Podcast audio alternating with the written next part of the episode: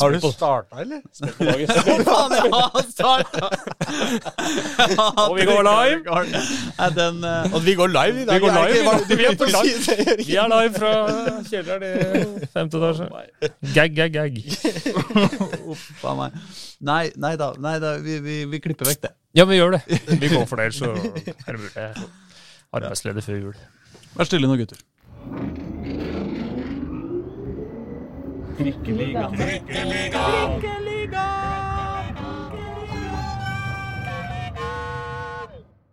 Mine damer og herrer og andre, velkommen til Trikkeligaen sesong 2, episode 49. Og det tyder jo på at vi er godt inni adventstida, Håkon Thon. Gjør det ikke det? da? Jo, det, det gjør det. Det er helt riktig. Hjertelig. Ja, det er det, fordi det er 52 uker i året, tenkte jeg. Og så er 49, så har vi sikkert skulka en uke eller to. Er det sommer. 49 en uke nå? Eh, Det er 49. episode. Ja, ja. Så har vi riktignok tatt et par ekstra episoder. Kan være 49 en uke òg. Det er ikke godt å si, ass. Hvis det er tre uker igjen. Du, eh, vi eh, skal feire eh, Vi har så mye å feire og mye å deppe over i dag. Og derfor så har vi med en ekspert på både feiring og, og depping. og, og veldig mye annet. Ja. En, en, en Jeg lurer på om Altså Det er ikke den beste introduksjonen Jørgen Grydland har fått. Nei, det var ikke det. Men, men før, nei, nei, vent, vent, før, jeg har ikke introdusert han ennå. egentlig- ok, hør nå. hør nå, hør nå. Eh, Trikkeligaen er jo en eh, mektig medieaktør. eh, blitt og, og eh, Man kan kalle seg på en måte en, en king Eh, og det føler jeg at uh, dagens gjest beviser at vi er. Han, uh, han var her tidlig i, i vinter som en helt fersk og eh, nyinnsatt daglig leder i en av uh, Oslo østs minst tradisjonsrike fotballklubber. Siden har han tatt Fotball-Norge med storm, vært i alle medier, lagd skandaler, sendt Flint ned en divisjon, lagd bråk med Skeid, mana til opprør i breddefotballen. Mine damer og herrer, Jørgen po. Ja, det, den satt, den siste og, der. og skaffet vann til Oppsal. Som nå har fryst på, men det kan vi snakke om. ja. Yes, du er daglig leder i Oppsal, fortsatt. Ja, fortsatt. Eh, vi satt her eh, kanskje to etasjer høyere opp eh, før vi hadde fått like fancy studio eh, som vi har nå. Eh, I eh, Ja, var det ikke i, i, for et års tid siden snart, da? Jo. Ja. Det var kaldt i hvert fall den gangen nå. Men eh, nei, vi, jeg sitter fortsatt, jeg. ja. Eh, Siden har det jo skjedd så mye. Ja, men det er, jo, det er jo litt sånn at folk er happy så lenge det skjer noe. Og da, om det er på en måte depping eller feiring, så får det, får det være. Da er det, vi er i hvert fall ikke usynlige. Nei, nei, det er dere ikke. Og til, og til å være et uh, mi, Unnskyld at jeg sier det. Midt på tre-lag på fjerde nivå, uh, så er det ganske imponerende. Og jeg trenger ikke å unnskylde deg for det, det er jo akkurat det vi er. Ja. Eh, vi har altså en masse greier vi skal snakke om i dag. Eh, siden eh, sist sending så har eliteseriesesongen blitt ferdig. Opp, altså Vålerenga røyk og fikk den gode, gamle sjuendeplassen. Det må vi innom. KFUM røyk ut før det ble kvalifisering om opprykk til Eliteserien, så deres sesong er ferdig, og det må vi selvfølgelig snakke om. Men eh, ekstra stas har det egentlig vekka i vår eh, lille sportsredaksjon eh, en beskjed fra Norges Fotballforbund denne uka, og det er jo ikke alltid. Det er jo ikke hver uke at vi jubler over meldinger fra, eh, eh, fra Norsk Fotballforbund, men vi har altså eh, i 2022 en tredjedivisjon, avdeling 1 med Lyn, Lokomotiv Oslo, Skeid 2, Reddy, Nordstrand, Stabæk 2, Grorud 2, og så har vi noe greier Sandviken, Fyllingsdalen, Os, eh, Grei og Frøya, og så har vi Kjelsås 2, og så har vi Oppsal. Vi har altså fått Trikkeligaen-ligaen. Vi har fått en helt egen liga med nesten bare Oslo-lag, og der skal dere spille til neste år. Det er jo en gudegave til Oslo-fotballen. Eh, Det er så spikeren på huet, det der. Det er, eh, det, er, det må jeg bare si at det er, eh, det er innertier fra, fra NFF for vår del, og for de andre Oslo-laga du nevner der. Grei må jo nevnes i den Oslo, sammenheng. ikke sant? Du tok jo Grei med nå som en del av røkla fra Bergen. Oi, gjorde jeg det? Ja, så Unnskyld! Da må du unnskylde Ja, ja, overfor Grei. ja, Grei. unnskyld, Grei. Jeg, jeg er glad i Grei. Jeg var eh, på Greibanen eh, bare for eh, noen få uker siden. Ja. Eh, og, eh, Legg inn årene nå. Ja, altså Grei er kjempefint. De har fått ny hall. Kjempefin hall. Og de har jo altså eh, en Altså Hvis du ser på en måte forholdet mellom antall tribuneseter og kul stadion, så har de jo, scorer de jo veldig bra. på en måte. De har nesten ikke noe tribune, men de har en veldig fin bane som ligger helt inni, inni fjellet, eh, nesten. Og er kjempetrivelig oppe oppi, i dalen der, Ja. langs linje fem. Den linje minner litt om den eh, stadion til Braga, for øvrig, hvis dere har sett den i portugisisk Ja, i- serie. i Uten sammenligning. Derimot har jeg vært i Rijeka i Kroatia, og de også har en sånn stadion. Det er utrolig fin stadion. Men, men dere må jo si hva det er som er spesielt med stadion, kanskje? da Altså, Den ligger jo bare inntil et uh, utsprengt fjell. Jeg bare tenker, Det er ikke sikkert alle vet kjenner til hjemmebanen til eh, Braga og Rijeka. Nei, men siden vi nevnte det allerede, og du Jeg må bare ikke nevnt hva med. det var. Jo, vi, vi sa det, skjønner du, Håkon. Å, jeg gjorde det. Ja. Det er ikke alltid jeg får med meg skjønner du, Nei. i denne podkasten. Tilbake til, tilbake til avdelingen. da. Den er jo helt fantastisk. Og det er jo ikke bare er den fantastisk fordi du får en del uh, morsomme oppgjør, eh, men så er det jo bra for eh, pengesekken til de klubba som ikke har så mye penger. Jeg slipper å reise så fælt. Du kan bare løse målskort til hele laget, og så, er det, Ja, ja. så har du Rufus. Her er det bare Rufus-kort på 25 mann, og så er det jo fire, fire flyturer til Bergen. Det er Rufus-kort, ja. Ja, det er Rufus-kort, for, ja. for Lyn er det vel i hvert fall det. De har jo en veldig eh, ung stall, har de ikke det? Ja, de, alle der går vel på Rufus, med unntak av Jon Nymo Matland, tror jeg, men han har jo kanskje lagt opp. Ja. ja. Ehm, ja, Ullern forsvant jo dessverre opp. De hadde jo en, eh, en, Dessverre? ki, en keeper som kunne ha kommet unna med å være uh, pappaen til alle de andre. Så, så de kunne bare tatt sånn familiebevis. Han går på honnør, eller hva, hva jeg tror du? Um, men nei, men uh, altså Ja, det, for det, dere får da Det er jo en uh, Hvis vi skal si noe om øst-vest-fordeling, så har jo fra, fra definitivt vest så har du eh, Lyn og, og Reddy. Um, og så har du selvfølgelig Stabæk, da, som eh, eh, på en måte vestkantens vestkant. Og så har du noen eh, tvilstilfeller, som Skeid og Nordstrand. Eh, Jeg er sånn eh, østkantens vestkant, eh, og Skeid er jo vanskelig å plassere i Ja, seg sjøl. ja, Samme med Kjelsås. Det er liksom Altså Skeid ligger jo på en måte tross alt øst for elva, da. Ja, det gjør jo det. Eh, Man har vel alltid liksom assosiert seg med øst i Oslo, i hvert fall. ja, ja, Ja, når det passer dem. ja. Eh, men de går med, de går med eh, pelskåpe, liksom. Ja, jo da, men, men, de, men de kommer fra pornopenger, som er veldig eh, østkant igjen. Så Ja, Du sier noe det er ikke reder, det er ikke offshore-penger, liksom. Nei, det nei, nei. porno. Det er nyrik. ja, det er nyrik. Ja, også, også Kjelsås 2, selvfølgelig, som jo også uh, eh, får være et, får, får være et eh, tvilstilfelle. Uh, I øst-vest-skalaen. Og så har jo, har jo dere og, og Grorud og Grei, da. Ja, De ligger jo fint plassert. GOG, kan vi kalle dere. Gogg. Grorud, Oppsal og Grei. Ja, det er oss mot resten i år. Ja. Så vi får jo noen fine oppgjør der. eh, Spesielt Lyn blir jo selvfølgelig kjempegøy. Jeg var jo raskt ute på Twitter og, og laga en liten eh, video eh, om Lyn mm. og Lyns eh, pengehistorie. Og de antall modeller de har hatt opp gjennom åra. Det er en sånn tikantsmodell. Det er ingen som skjønner hvem, hvem er egentlig Lyn. Hvem er det vi møter? Er det 1896 Lyn? Er det 1896 FK Lyn? Er det FK Lyn Er det ikke FC i tilfelle? F, F, Ja, det er FK? det. Og FC-Lyn også. Ja, og så vært har så har du eh, Lyn, og så har du Lyn skiklubb, og så har du Lyn ungdom junior, og så har du noe, sikkert noe Lyn aks eller noe sånt nå, som er noe barnehageopplegg.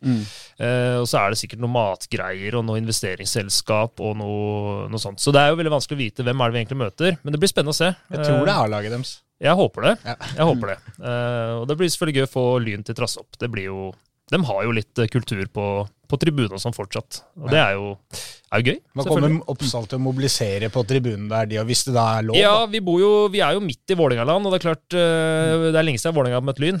Og det er lenge siden Vålerenga-supporterne har kjent på det lynhatet, så vi kan jo være en uh, kanal for det, Ja. kanskje. På trass opp når vi møter dem. Ja, sånn da. For at jeg får liksom et par et par uh, ivrige, ekstra ivrige Vålerenga-supportere til, å- til å ta en, uh... Liten spasertur bort på Trasshopp. Det koster ikke mye. Nei, nei. Stort sett gratis. Ja, hvis du vil ha det gratis, så får du det gratis. Ja, ja, absolutt. En av de uh, tinga som, som du har blitt kjent for uh, gjennom året, eh, har, jo, uh, har jo vært uh, konflikten med Skeid. Dere spilte jo en uh, cup, cupkamp mot Skeid som dere tapte. Dessverre, får vi vel si. Dere åpna vel egentlig sesongen med cupkamp mot Skeid. Ja, vi åpna sesongen der, og var det jo et år siden vi hadde vært i aktivitet, så det et 2-0-tap der var hederlig, det. Ja, men, men da var det jo en del, et par runder med servering. Det var det. Eh, hvor, hvor Nå husker jeg ikke akkurat hvordan dette var, ja, men det var vel, det var vel Skeid som, eh, som begynte på et vis, var det ikke det? da? De sendte vel en, det var vel eh, Daniel Strand som sendte en slags raider. Ja, En spekkliste der, en ja, liten stemmer raider. det. De skulle ha losjerom med servering, aircondition, kreps og skalldyrtallerken eh, ved 25 grader. Under 25 grader kan vi godta tapas. Baconsurrede dadler, uavhengig av vær. Foretrukket leverandør Strøm Larsen. Eh, og, og, og, så, og så svarte jo dere med noe greier. Altså, hva var det dere svarte med? Husker du det? Nei, jeg eh, husker ikke farta hva jeg skrev. eneste men jeg husker, vet du hva det er? Eller jeg husker ikke helt, men det var et eller annet med en skutt and fra Østersjøvannet. Ja, jeg svarte vel for så vidt hva vi kunne tilby uh, i forhold til den uh, Ja, kravslista Ja, dem hadde, da. Jo, jo, jo, her står det, ja. Eh, Fri tilgang til parkeringsplass i kjelleren i den midterste av de tre Tveita-blokkene. Husk skuddsikker vest og armert glass til rutene. Losjerom med servering. Ikke aircondition, bare naturlig vind fra Blotterskogen på Golia. uh, eh, kreps og skalder vet vi ikke hva er, men vi siterer fritert stokkand fra Østensjøvannet og sjølskutt hare fra Østmarka. Og så uh, lova dere å surre gamle panteflasker sammen og brukte det som, bruke det som både cornerflagg og ballfangernett. Ja, Det var jo et stikk til den eh, famøse panteboden til Skei, som de er så stolte av. Ja, Ja. eh, ja. Så vi fikk jo, ja, det, det blei jo ingenting. Vi serverte jo ikke noen ting. Eh, De fikk bruke parkeringsplassen. På Drosshopp, for øvrig. Å ja, men Ja, ja. ikke under det var opptatt. Tveita-blokka. Ja, det, det tørte de ikke. Det er jo bare pensjonister på Tveita. Ja, nå har det blitt det. Det har, det har roa seg, det. Ikke, ikke ødelegg den myten, da. Den skal jo leve, Aslak. Nei, men Det er jo kanskje de samme folka. da Det er jo Jan Kvalen som uh, Jan Kvalen, 84 år. Ja, og så er det vel barnebarna begynner jo Men det er jo om det liksom blir det samme, det veit jeg ikke. Men uh, var dere tenkt å servere når Lyn kommer? Det er det jeg lurer på. Ja, Der er jeg jo redd for hva dem ønsker seg, men, eh, men eh, der må vi virkelig slå på stortromma. For det er klart, Skeid med sine krav er én ting, eh, men eh, dresskledde aksjespekulanter fra, fra Kringsjå, det, de er nok verre eh, å please. Så vi må nok opp med noe Her må vi, må vi kline til. Men tror du, ikke de, eh, tror du ikke de bare tar det som en del av treningsrunden sin, disse aksjemeglerne? De, er jo, de har jo et marcialonga å, Ja. å, å forberede seg til. Men da er det ofte sånn tørka frukt, nøtter og Bon Aqua med smak. Ja, tror jeg de liker. Så det, det vi, hvis jeg begynner nå, så er det kanskje klart i april-mai. Man fyller glukoselagrene. Til, Ja. er det, nei, hva er det det heter? Er det ikke et eller annet sånt det heter? Jo. Når man er ute og løper. jo. Glykogen, Glykogen, mener jeg. Glykogen, Ja, ja, det er mulig det, altså. Glukose er noe annet. Ja, Jeg løper aldri så langt. Nei, nei, men det blir jo det blir moro, i hvert fall. Det blir kjempegøy, og gøy blir det også å møte Grei, som vi for så vidt hadde med annetlaget vårt i fjerdedivisjon i Mm. sesongen som var. Eh, Så klart, noen lag forventer vi å slå.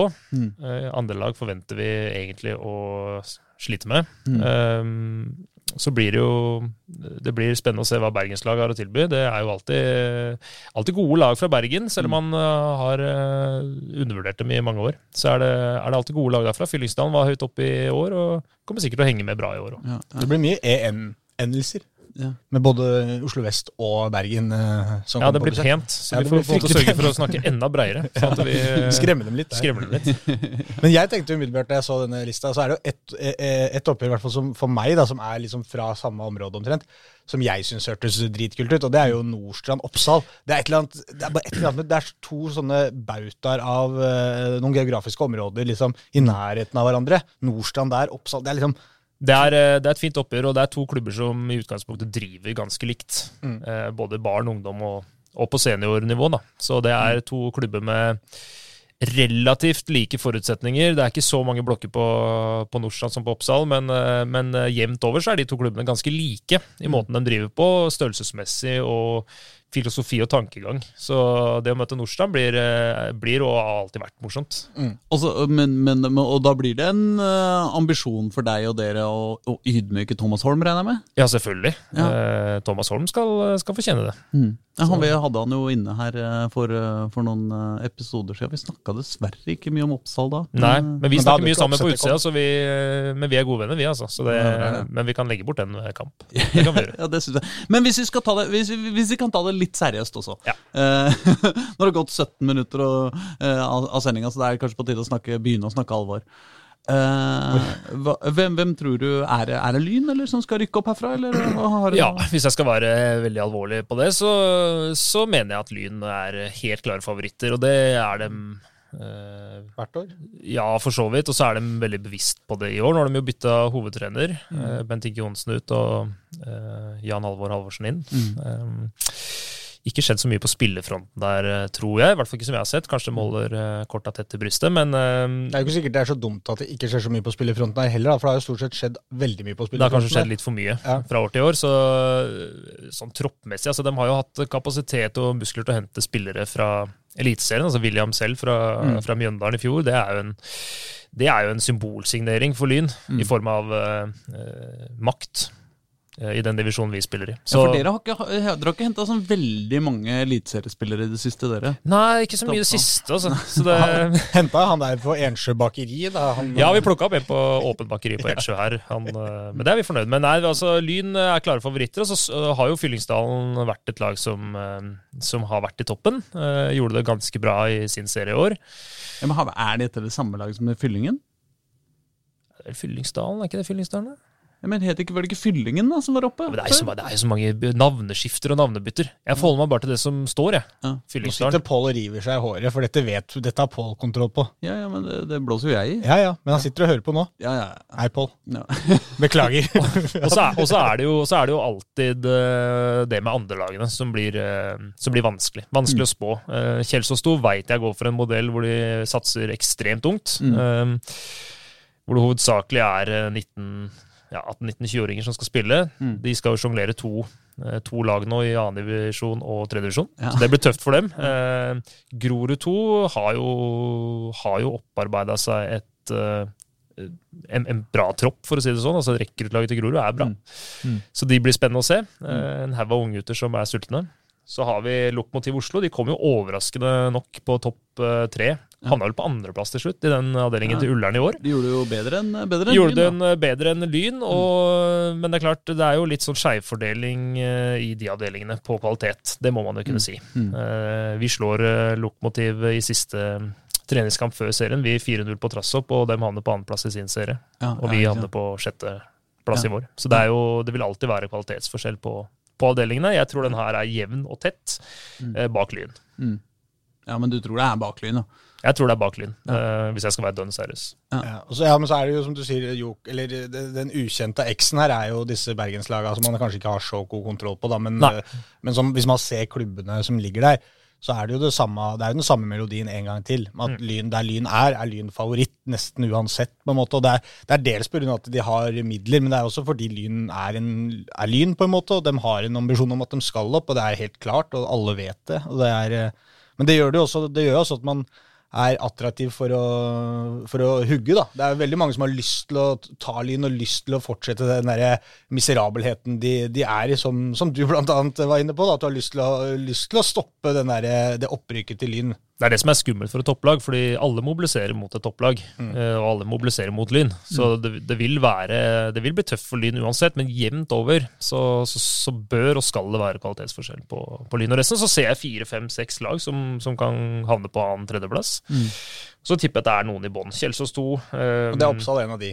Oppsal er en av de. Ja. ja, ja. Oppsal bør ha ambisjoner om, eh, om å henge med i topp tre hele, hele veien. Å ja, du tenker såpass, ja? Ja, ja. Ja. Nå har de unggutta våre bare fått et uh, halvår på beina, og med noen forsterkninger inn, så, så bør vi være i toppen. Hva med Nordstrand? De, de tok seg jo veldig Hadde jo en grusom start eh, i 2021. Så, og Ja, de tar jo med seg en- jo resten etter fem-seks tap i starten eller noe sånt. Nei, de tar jo med seg en bra avslutning inn i en ny sesong, og beholder de Thomas Holm, så har de jo kontinuitet der. Og masse unge De hadde jo en del skader i løpet av sesongen nå, som var ganske avgjørende for dem. Så, så de har jo noen ekstra strenger å spille på. Har jo et bra juniorlag òg, som spiller gutt 19 interkrets A, som er krem de la krem. Mm. Så, så det, de har jo um, De har potensial i Nordstrand òg. Um, så både Nordstrand, Oppsal, uh, Reddy, Fyllingsdalen um, Ja. Grorud 2 Mm. bør være der. Mm. Søren, jeg gleder, meg, jeg gleder meg skikkelig til noen av de oppgjørene her. Bare sitter og tenker nå at En ting er jo at Oppsal skal møte alle disse lagene, men du får liksom Grei mot Lyn og Grorud 2 mot Nordstrand. og det liksom åh, det, blir, det blir dritkult, rett og slett. Ja, det blir det. Og i fjor så hadde vi jo litt sånn derre i de få gangene vi hadde reine Oslo-oppgjør i fjor, som vi snakka om her på podden, liksom, så var det jo sånn der Ja, det var liksom uh, Kjelsås mot Skeid uh, var jævlig moro når det skjedde, ikke sant? Og så var det liksom noen ganger i, i, i, i tredjedivisjon også, men Jeg var, på, jeg var jo på Frigg Reddy, eksempel. Det var jo et av disse som vi hadde, Ja. men, eh, Ja. men det svinger litt mer av den her, altså. Ja, ja, nå får vi det jo hver uke omtrent. Får Ja. vi jo, eller vi får det jo hver Ja, uke. vi gjør jo det. Ja, ja det, blir, det blir kjempegøy. Altså, det, er, det er 14 lag i Eller hva er det for noe? 14? 16? 14? 14 lag, ikke? 4, 8, 12, 14. Ja, 14 lag, Mm. hvor det er 10 Oslo-lag. Mm. Da ser jeg ni, ni muligheter til å skape ekstremt morsomme kamper på trass opp. Blir det TIFO og Ja, vi må jo, vi må jo gå den retninga der. Nå har vi hvordan, er, hvordan er Oppsal egentlig? Er dere, eh, vi hadde jo Kasper Wikestad inne for eh, noen Ja. uker siden, og da diskuterte vi jo forskjellen på den engelske og den italienske supportertradisjonen. Ja. hvor står Oppsal-supporterne i den, i den, i den Nei, hvis, du setter, hvis du setter Partisan Beograd på den ene sida av skalaen, Ja. og så setter du Fulham på den andre, Mm.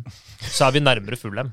ja. Der sit, vi sitter og klapper pent. Ja, ja, Ja, ja, ja. ja. Det er ganske sofistikert. Ja. Eh, Men det, av og til kan det bli litt Partisan eh, Beograd ja, også. hvis, hvis det blir scoring i riktig tidspunkt i kampen, så blir det Partisan Beograd. Så vi, kan, vi har hele skalaen, Mm. Men jevnt over så er det veldig tyst og stille på Trassopp. Det er ingen profeter eller trommer eller Men dere har hatt noe bluss her før, har jeg sett. Ja, men det er i, det er i niendedivisjon. Ja, det er 9. divisjon, Ja. selvfølgelig selvfølgelig. satser litt tyngre nedover, eh, nedover i systemet. Men hvordan er det hvordan er sikkerhets... Altså fordi Man risikerer jo bøter hvis, man, eh, hvis det er blussing på hjemmebane, selvfølgelig. Og da Ja, regner jeg med at dere ransaker uh, supporterne nøye. Ja, Der er vi litt som Molde fotballklubb. ja, ja, Der går vi, er der går vi ganske dypt eh, ned i lomma. Nakenvisitering på, på alle, alle Ja, ja. supportere. Ja, og så har vi sånn fly, flyplassskanner Ja. oppe ved Så forsvinner en Rolex eller to i den, der, eh, den undersøkelsen der. Ja, det er jo grunnen til at vi kan ha A-lag på nivå. Uff, nå var det godt Lyn kom på besøk, for nå er det så stramt budsjett her. Da er det gratis inngang, for å si det sånn. Ja, ja, ja, men det er bra. Nei, altså det er jo bare én ting som kan eh, ødelegge uh, dette fra å bli en eh, supersesong, og det er jo uh, omikron, uh, selvfølgelig. Og nå sitter vi jo her dagen etter eh, pressekonferansen til Ingvild Kjerkol og Jonas Gahr Støre i går, hvor det kom, eh, hvor det kom eh, nye restriksjoner eller anbefalinger, eller hvordan det er Åssen blir dette nå, nå framover? Ja, det er jo vanskelig å si. Det er jo, som du sier, det er jo anbefalinger. Ja. Og hvordan skal man tolke anbefalinger? Altså, får vi lov? Får vi ikke lov? Ja. Dere Eh, bør ikke trene, rett og slett. Det er det vi som er anbefalingen. Eh, Nå har vi jo treningsfri, vi, da, i desember uansett. Ja. Så Ja, vi nå skal det spises ribbe, liksom. Ja, nå skal det kose seg. Ja. Eh, så starter vi forhåpentligvis opp igjen 3. januar, da. Men vi får se. Mm. Det, det får vi bare forholde oss til. Men hva, hva, altså, hva, hva gjør dere 3. januar? Hvis, hvis beskjeden fra myndighetene fortsatt er dere bør ikke trene, men dere får lov hvis dere, hvis dere virkelig vil? Ja, da trener vi. Ja, for dere, for dere vil virkelig. Vi vil virkelig. Men det, er, det er det som er, Dere burde ikke trene, men, eh, men man bør jo trene hvis man skal vinne fotballkamper. Ikke sant? Jeg hadde jo håpa at dette hadde forandra seg litt i forhold til eh, innendørs, utendørs, og det tror jeg fortsatt på. At eh, man har eh, eh, litt mer erfaring og litt mer kunnskap nå i Mm. forhold til det å drive utendørs. Eh, idrett kontra det å holde på i trange gymsaler. Ja. At ikke det skal likestilles. da. Ja. Så, og vi trener stort sett ute, vi. Vi, vi har ingen stor hall eller noe sånt. Så Nei, vi, men vi dere trener kunne, ute. dere kunne jo Det er jo den derre Det er parkeringshuset under Tveita. Ja, ja, selvfølgelig. Der, er, eh, Ja, men Det er ikke noe fordel å trene man, Det er vel bedre å trene ute? Ja, i forhold til uh, sånn Ja, smitte. smitte og spredning. Og, Ja. ja. Det er det jeg sier, at vi, har jo, vi trener utendørs, og Ja. jeg håper jo man får lov til det. Ja. Selvfølgelig. Men det er klart det ville jo vært en gedigen nedtur om vi, om vi var tilbake igjen der eh, januar 2022. altså. Ja, for det er også en av de tinga som, eh, som, eh, som, øh, som du har blanda deg opp i i Ja. løpet av eh, 2021. Er jo, du, du drev jo mana til breddefotballopprør du, en periode. Jeg gjorde det, og jeg, det, var jo, det kom jo fra hjertet. Jeg følte jo på en urettferdighet da. Eh, Ja, for hvordan var dette? Dere, dere, dere, gikk ut og sa dere ville at dere skulle, skulle bare trene likevel? altså det, det blir jo sånn uh, i et miljø hvor det er mange klubber med ulike forutsetninger, så, Mm. så vil noen vil jo bryte reglene. Mm. Andre vil følge de konsekvent. Mm. Eh, det medfører jo ulike konkurransevilkår, selvfølgelig inn mot en sesong. Mm. Eh, så sitter man på nok inside info til å vite at noen gjør det, noen gjør det ikke. Ja. Eh, vi forholdt oss til de reglene som var, og, og var veldig lydige.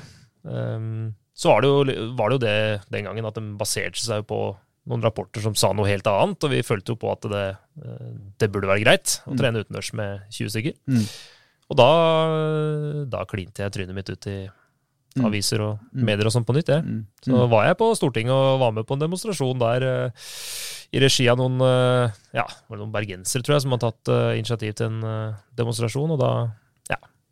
Det ble jo fortgang på ting, da. Ja, ja, men det var, jo, det, var no, altså, det var jo såpass mange i lag som var i samme situasjon som dere, Mm. som jo faktisk fulgte reglene. Så det, Majoriteten her fulgte jo reglene, Mm. gjorde det de skulle, og så var det noen sånne unntak. Og, og det provoserer jo bare enda mer, samtidig som beskjedene var litt uklare på hva man egentlig kan, og hva man burde gjøre.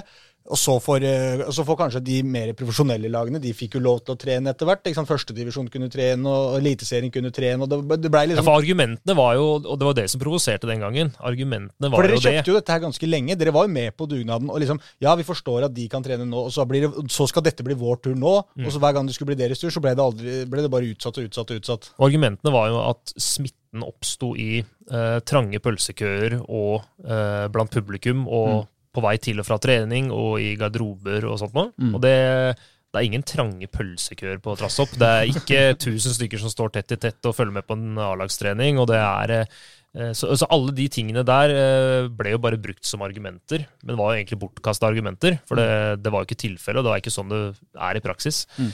Eh, Vi kunne fint klart oss uten uh, tilskuere på trening, vi. Altså, vi kunne fint droppa garderoben før og etter trening. Mm. Uh, så um, vi kjøpte ikke argumentene, og da, da må man si ifra, da. Er det, vel, det er vel noe med sånn der, akkurat det der med til og fra trening.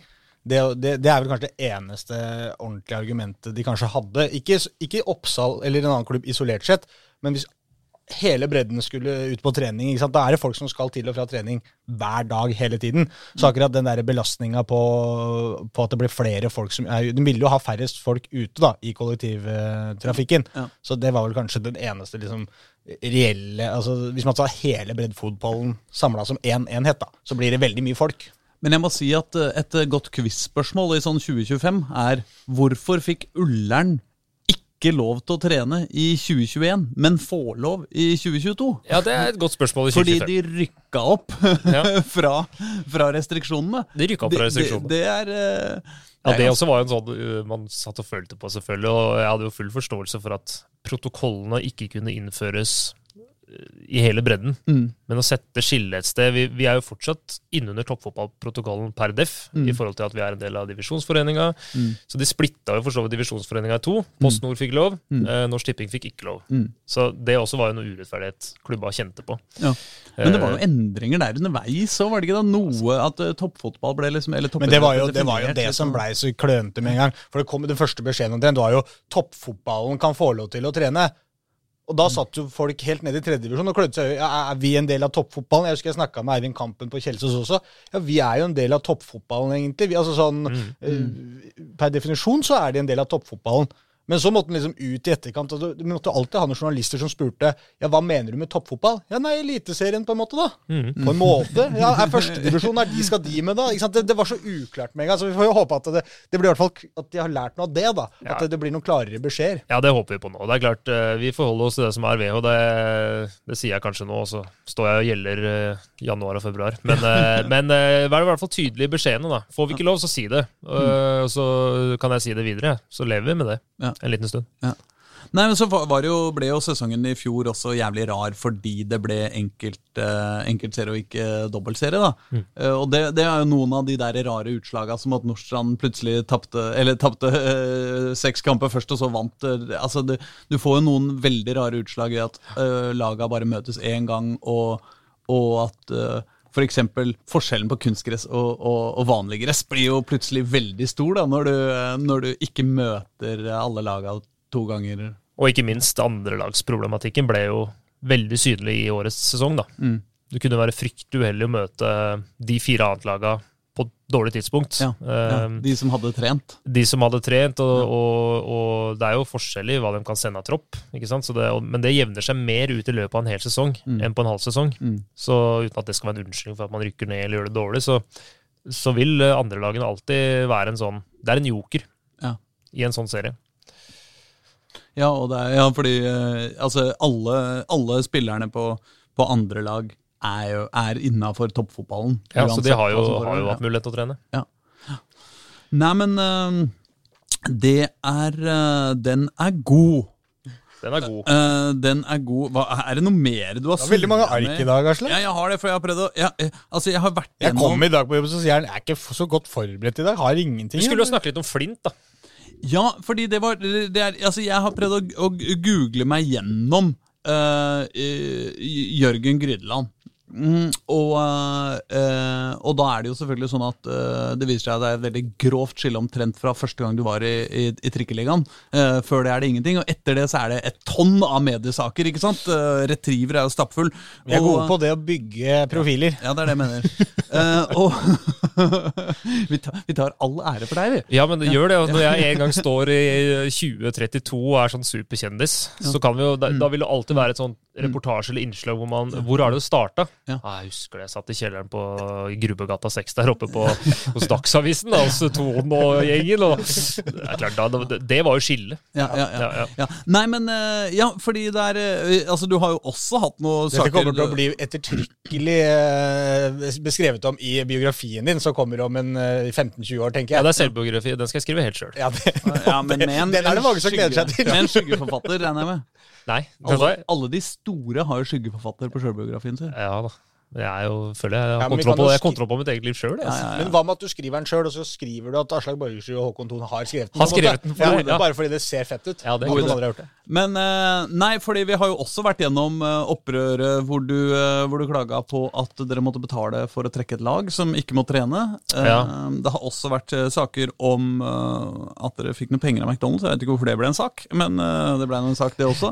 Men det viktigste som jo har skjedd uh, rent sportslig for Oppsal, kanskje, i eh, 20, 2021, er jo, var jo bortekampen mot eh, Flint i, i siste, siste serierunde, var det ikke det? Jo da, siste serierunde. Det ble jo høydramatisk, det. Ja, altså, da har vi altså eh, en av norgeshistoriens største fotballstjerner. Eh, eh, eh, Jon Arne Riise, som jo også er en kontroversiell figur. eh, det, det man kaller, han er det man kaller en, en polariserende person, eh, eh, på, på pent. Um, og, og da, dere reiste, da dere reiste til Tønsberg, så, så sto det vel i alle avisene Vi reiser til Flint med én ambisjon, å sende Riise ned i fjerde divisjon. Det høres jo fryktelig smålig ut. Det høres grydlandsk Ja, det er veldig en Grydland spesial. Ja, det er en Grønland spesial. Det, Men det, og det, når jeg tenker på det ettertid, så det høres litt smålig ut. Fordi vi hadde jo forstått ikke noe å spille for annet enn tabellplassering, som jo er viktig nok i seg sjøl. Flint hadde alt å spille om. Um, Men det kan vel kanskje være noe av grunnen? At dere ikke hadde noe å spille for? Så man må finne noe å spille for? ja, det er akkurat det. Så, så vi skapte oss jo en liten historie der. Og, men igjen, selvfølgelig, en profil på det nivået her vil jo alltid få kjenne på det. Og han har jo, ikke sant, det var jo serien fan av Flint som også gikk og rulla, så det var jo det vi ønska jo å få, få litt oppmerksomhet der, og vi. Ja, dere ville, dere ville på en måte prøve å bli antagonisten Antagonisten eh, i det i, i Fan av Flint. Men de var veldig flinke til å øh, unngå det i siste episode. Det var veldig lite oppsal i den siste episoden, egentlig. Det burde vært mye mer, mener jeg, da. Også, Det mener Tveita-senteret også. ja, så er det jo en liten søknad at noen bør jo komme og lage en serie om også. Hva, hva, hva skulle den, eh, hva, hva skulle den eh, hett? Eh, Fan av Flint funker jo ikke, men det er jo godt Du har Grorud Underdogs. Ja, den er også fin. Oppsal uh, Oppskrytte Oppsal Nei, opp, oppkomlinger. Oppkomlingene. Oppavlingene. Å, ja. Det høres ut som en, en kjempesuksess. Oppover. Veien oppover for Oppsal. Ikke sant? Eh, mot opprykk. Oppsal mot Oppsal opprykk. mot opprykk. Jeg syns det burde vært noe mer sånn Verdal på Oppsal. Ja, noe sånt. Bare så enkelt. Litt sånn eh, Litt sånn traurig. og litt sånn, medisterkaker og brune gardiner, liksom. Vi har liksom. fått vann. Vi har fått vann, ja. ja. Nå har vi fått tribune, Ja. faktisk. Og Har du dere fått tribune òg? Ja, vi har kjøpt oss en tribune, da. Så en sånn 74-seters uh, Det kommer jo ikke flere, så det er jo 74 setter. 74-seters der. Fra Norgestribunen. Var ikke det han derre der Mjøndalen uh, Gauseth? Ja, den driver jo eget, uh, bli, firma. Bli eh, tribuneselger. Men dem selger jo sånne komplette løsninger til 1,5 million. Oi. Det har ikke vi råd til. Nei. Det er bare å glemme. Ingen som kjøper sånt på, på Oppsal. Nei, men uh, fortell, hvordan er tribunen? Nei, den er jo Det er 74 seter, da. Plassert oppå betongtribunen der. Fire rader, da, kanskje? eller? Det er noe sånt. Eh, Og så er den blå. Men er det, jeg har ikke Ja. vært på Trassoppå lenge. Er den på den, den sida hvor tribunen lå før? Ja, eller? så Den er rett og slett bare Det er sånn uh, puslespilltribune. Så Ja, bare setter rett oppå betongtribunen der, midt på. Ja. Mm. Ja, så skal vi se da om vi får utvida neste år til, uh, med 74 plasser til. Kanskje vi får tribuner langs hele. Det er sånn som bort på Skei der. Ja, jo, men det Bare en, bare en liten start. Men står setene én meter fra hverandre? Det Hadde ikke det vært litt smart? Ja, det hadde vært veldig smart. Bygger for en koronafremtid. Det Nei, det er tett i tett. Bare gitt opp. Så bare, nei, vi Nei, vi bygde bare én meter imellom, vi, altså, så det, vi fikk bare plass til 50 seter på hele tribunen der. Nei, så det, det går framover, altså. Ja. Men, men er det et uttrykk for eh, at dere, at dere på en måte har litt kontroll, og dere har faktisk litt penger? Jeg innser at 74 plasser sikkert ikke koster eh, Det koster, koster fort eh, 240 000. Oi, det er såpass. Men uh, vi er flinke til å søke midler, vi, vet. Så vi fikk jo noe penger fra Sparebanken eh, Bien, og vi fikk noe penger fra DNB-stiftelsen. Så det er, vi, vi gjør jo ting nærmest gratis, vi, vet du. Mm. Alltid. Um, bra. Uh, jo, men, jeg- fortell mer om den der Glimt eh, Det flint, flint. eh, Ja, nei, det, var jo, det blei jo det høydramatisk, da. Så vi, eh, vi hadde jo kjekla litt i forkant uh, der, og det ble jo laga noen uh, Var du der? intervjuer. Ja, vi var der med hele gjengen vår, holdt på å si. Ja. Trenerteamet. Jeg satt på tribunen for øvrig. Det var stappa fullt. Det, det skal også sies. Flint var en utrolig hyggelig klubb. Var det det? Jeg skikkelig sånn uh, gjestfri velkommen til uh, Tønsberg klubb. Jeg følte at Flint var den snille lillebroren, og så var Eik da den store slemme. Jeg har jo familie fra Tønsberg, og dem er jo veldig tilknytta til Flint. Har liksom vært laget deres alltid, så jeg syns også det var litt gøy. Veldig sånn eh, hyggelig anlegg og koselig tribune og hyggelige folk. Og, nei, det var ordentlig sånn Det er hyggelig i Tønsberg, da. Det er hyggelig, altså. Det var ordentlig sånn, og det, sola skinte, og det var god stemning, egentlig. Men, men hadde Riise fått med seg dette her, og var det noen som fikk eh, Ja, jeg snakka mye med Jon Arne Riise i forkant på meldinger, for han var jo litt stressa. Ikke sant? Og jeg måtte jo unnskylde meg litt, og det er ikke meninga Det er ikke på person og, og sånn, altså bare så du veit det. Så vi var venner, vi, altså, før kampen starta. Ja. Og så gikk jo minuttene, da, og vi går opp i 1-0 og 2-0 der, og da var det jo katastrofe på, på sidelinja, selvfølgelig. Mm. Uh, og de skulle jo ha en del andre resultater imot seg i tillegg. Ja. Uh, som, som, så de følte seg veldig trygge. Oh, ja. Ja, ja. Det sa de jo Ja. før kamp, og det ser man jo i serien nå, at det, det er mye som skal gå galt for Mm. at uh, Flint skulle ned den runden. Mm. Uh, og Så får de en redusering uh, og presser ganske bra på en periode der. Altså, så de får jo 2-1 og hadde klart seg med 2-2. Mm. Og får to-tre gedigne sjanser helt på slutten der, hvor de for så vidt burde ha skåra 2-2. Mm. Og alle hadde vært fornøyde og gått hjem og kost seg. Men det blei ikke sånn. Men hvor, altså, spilte spillerne deres eh, som om eh, det betydde noe, på en måte? Eller Ja, ja. var det litt sånn Det er sånn vi er skrudd sammen på Oppsal. Det. Det, vi går inn i sånne kamper med, med alt vi har. Sjøl om det ikke betyr en dritt? Selv om det ikke betyr en dritt, så er det Det var jo motivasjon nok i seg sjøl. Ja. Men det igjen handler om å bygge opp en liten story. ikke sant? Dette ble jo en greie. Mm. Og da, da blir man motivert, da. Ja. Og så greide dere altså å bruke en eh, innbytter som Hvordan var dette? Vi Det- det- hadde det jo var Ja, det ble jo lagt inn Det ble jo dramatikk på toppen av dramatikken der. Ja. Fordi vi eh, hadde jo kåla det til, da. I god Oppsalon, selvfølgelig. Ja. Um, hvor vi hadde uh, bytta om på to spillere som Altså, eh, det er, en kamp, det er en kamprapport som skal leveres inn 75 minutter før start. Ja. Eh, og i den kamprapporten skal jo alt være riktig. Mm. Uh, altså de elleve som starter, skal stå som de elleve første. Og så kommer innbytterne. Ja. Eh, og da hadde vi eh, switcha om to spillere. Altså, vi hadde en i startelveren som starta på benken, Ja. og motsatt. Ja. Og selvfølgelig eh, var ikke dette bevisst, dette har vi aldri bomma på før. Nei. Men eh, det var jo typisk at de to spillerne bytta jo i løpet av kampen. Altså spiller 10 bytta med spiller ja. 32, og det var de som også hadde switcha i starten der. Så det ble veldig synlig. Eh, Ja. Og det ble lagt inn en protest. Og, Ja, jeg brukte, Vi skulle jo sove over i Tønsberg og ha en hyggelig kveld på byen. og sånn. Mm. Jeg brukte de fire første timene etter kamp der på å roe ned alt og alle. Mm. Ja, så, men den protesten gikk jo ikke gjennom. Nei, men for da, da er argumentet til, eh, til Flint at uh, da har dere på en måte allerede brukt et bytte Vi har allerede før brukt kampen bytte. er i gang, liksom? Ja, og det, men da må man jo sette seg litt inn i regelverket og, og sånt. Og det, jeg følte meg ganske trygg på at den uh, ikke ville gå gjennom, altså. For Mm. det, det er en uh, personlig, menneskelig feil Mm. som ikke har noe påvirkning på kamputfallet eller resultatet sådan.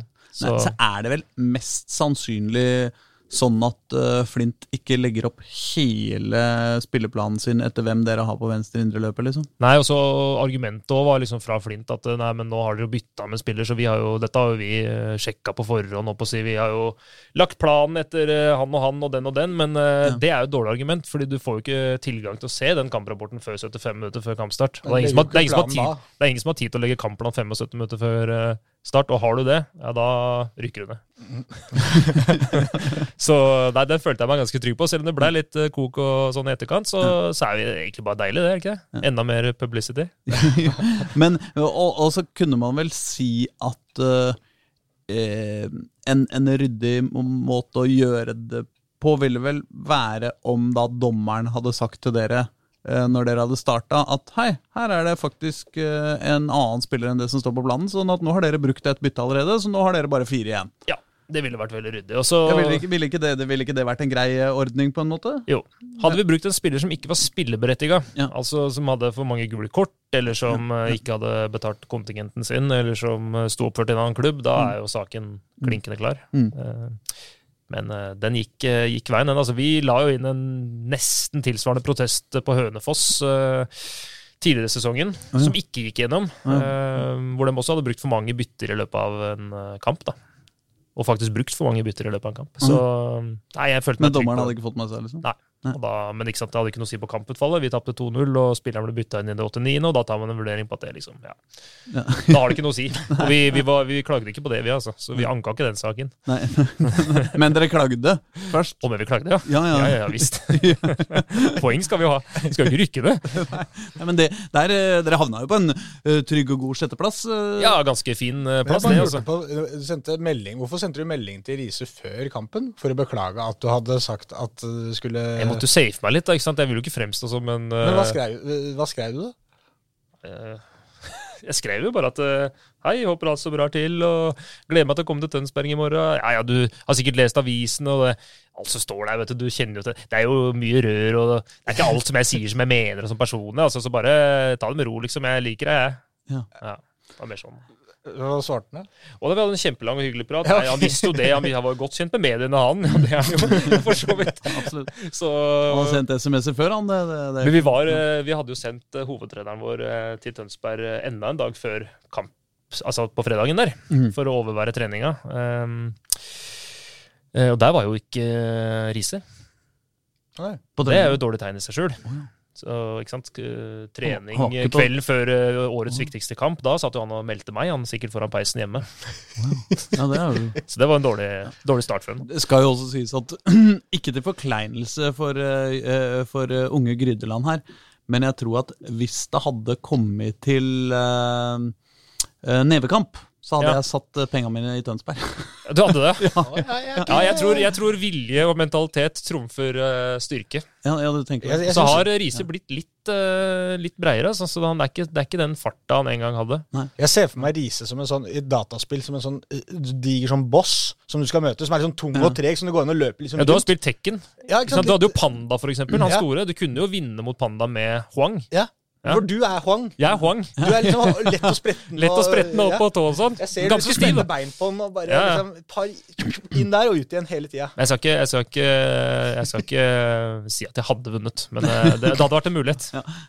Nei, men det er bra. Ja. Eh, det hadde Vi gleder oss til neste gang du møter Jon Arne, for da har jeg og Aslak satt penger på hver vår mann. Ja, det blir De, dette, denne TV-serien er jeg også interessert i å se. Ja, da, så Det var ikke den TV-serien engang. Oppsal mot opprykk, men, eh, men også uh, Jørgen, Jon og Jørgen. Hvor vi Eh, slåss i ti episoder, liksom. Jon, Jon og Jørgen i gjørma. Men var, ikke det, var ikke det en sånn der, eh, en TV-serie? Jo, jo, det var Med det. noen kjendiser Ja, som ja, skulle bokse eller et eller annet? Fins det et program hvor det ikke har vært med noen kjendiser som har gjort et eller annet dumt? Ja, men, sånn, ja, men det var ikke noe stor suksess, Ja, tror jeg. nei, nei, det het eh, Hvem skal eh, gi juling? Juling, juling Ja, det stemmer det. Ja, det var ti kjendiser som skulle Ja. bokse. Slåss, Ja. bokse. Bernt Hulsker eh, i, i ringen. Ja.